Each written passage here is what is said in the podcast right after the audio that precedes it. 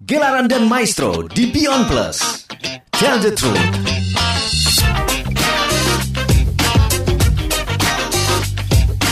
Hai sahabat musik, saya Heru Cahyono, tuan rumah gelaran dan maestro di Beyond Plus.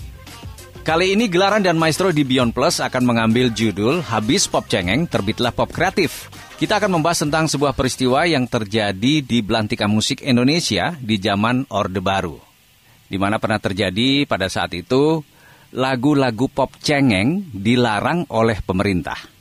Nah, kejadian ini mengingatkan kita ke dekade 60-an, di mana pada saat itu Presiden Soekarno melarang pemutaran musik rock and roll ala Beatles, Rolling Stone atau band-band barat lainnya yang oleh Bung Karno populer disebut sebagai musik ngak-ngik-ngok. Nah, menurut Soekarno, lagu-lagu mereka ini hedonis dan tidak sesuai dengan semangat kebangsaan. Selain itu, Soekarno menilai lagu-lagu barat mempertontonkan kebudayaan negara-negara imperialis yang bertentangan dengan kepribadian bangsa Indonesia. Nah, hal semacam itu terulang di zaman Orde Baru.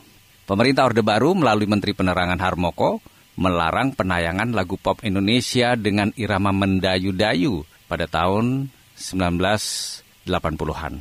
Harmoko merilis pernyataan tersebut pada momen perayaan ulang tahun TVRI ke-26 yang jatuh pada 24 Agustus. Ia menjadikan contoh lagu Hati Yang Luka, milik dari Betaria Sonata, dengan lirik yang melumpuhkan semangat dan dengan tegas, Harmoko mengatakan untuk stop lagu-lagu semacam itu. Nah ini dalam pandangan Pak Menteri Harmoko, lagu-lagu pop cengeng ini dianggap tidak bisa menumbuhkan semangat kerja. Tentu saja ini sangat bertentangan dengan slogan pembangunan yang kala itu gemar digaungkan oleh pemerintah Orde Baru. Alasannya karena pop cengeng pada umumnya memuat lirik yang mengusung tema patah hati atau kegagalan dalam menjalin hubungan asmara. Sebagai Menteri Penerangan, Harmoko lantas memberikan arahan tegas pada TVRI dan RRI untuk tidak menyiarkan lagu-lagu pop cengeng. Akibatnya, kala itu musik pop cengeng benar-benar mati gaya. Dan pada dekade 90-an, terbukti tidak ada lagi lagu-lagu pop cengeng yang merajai pasar musik Indonesia. Hal ini tentu menjadi ironi karena lagu-lagu penyanyi Iwan Fals yang pada saat itu sair-sair lagunya lebih banyak mengkritik pemerintah, justru tidak pernah benar-benar dinyatakan dilarang. Hanya saja konser-konser Iwan Fals selalu banyak sandungannya. Nah, terkait pelarangan lagu pop, Rinto Harahap, seorang pencipta lagu yang memang kebanyakan lagu-lagunya bertema cengeng, bertema cinta yang cengeng. Dan kebetulan juga Rinto Harahap adalah Ketua Asosiasi Industri Rekaman Indonesia atau ASIRI.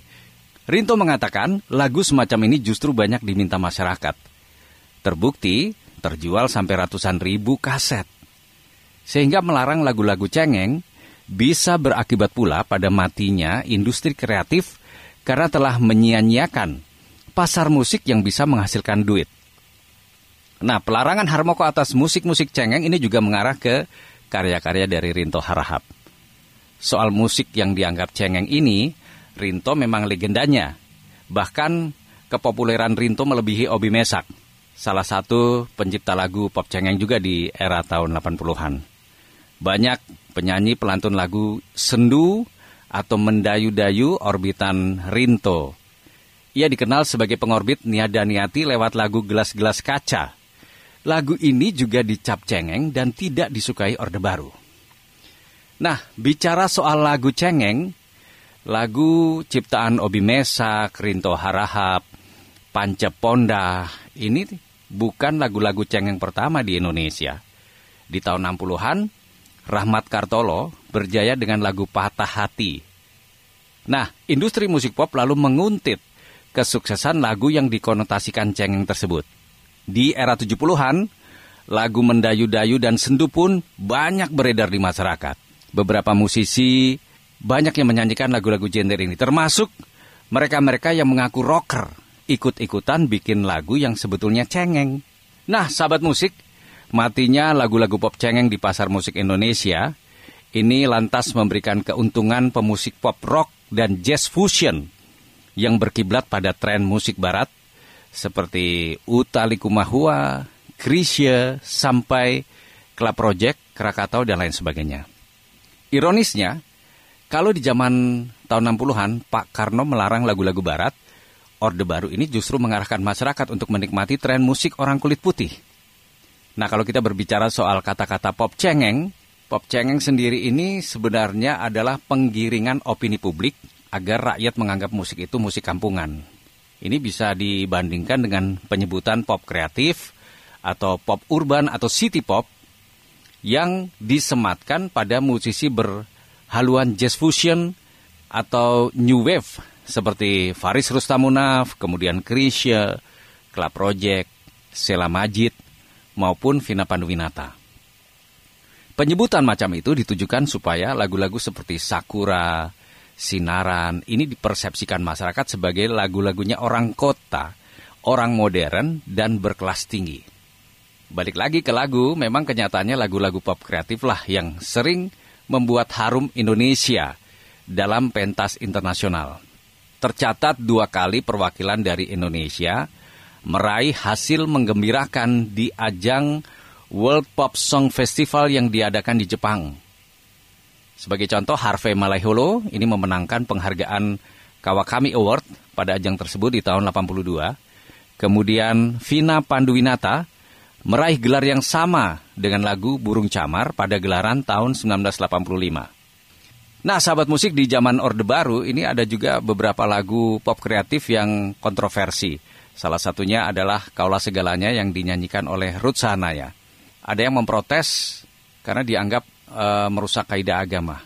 Dari liriknya yaitu mungkin hanya Tuhan yang tahu segalanya.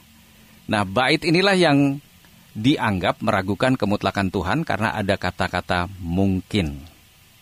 Nah, sahabat musik meskipun redup pada dekade 2000-an, pop urban kembali naik setelah grup macam Run dan Malik The Essential digandrungi banyak orang. Kemudian di sekitar tahun 2010, pop urban menjadi raja dalam skema musik mainstream Indonesia. Semua hal ini diraih dengan usaha para musisinya sendiri dan yang jelas tanpa intervensi pemerintah. Lalu bagaimana dengan kondisi sekarang? Apakah juga masih ada pelarangan-pelarangan lagu? Ternyata masih ada karena Komisi Penyiaran Indonesia sempat melarang 42 lagu barat diputar di bawah jam 10 malam atau pukul 22 pada stasiun-stasiun radio di Indonesia. Larangan ini diberlakukan karena lagu-lagu tersebut mengandung unsur-unsur kata-kata kasar, cabul, dan mengesankan aktivitas seksual. Tetapi walau dilarang, 42 judul lagu tersebut masih bisa diputar di platform online seperti Spotify dan YouTube. Nah, sahabat musik, sampai di sini dulu gelaran dan maestro di Beyond Plus yang mengambil judul Habis Pop Cengeng, terbitlah Pop Kreatif. Saya Heru Cahyono, mengucapkan banyak terima kasih atas perhatian Anda dan kita ketemu lagi di lain kesempatan di tema yang berbeda dalam gelaran dan maestro di Beyond Plus. Sampai jumpa.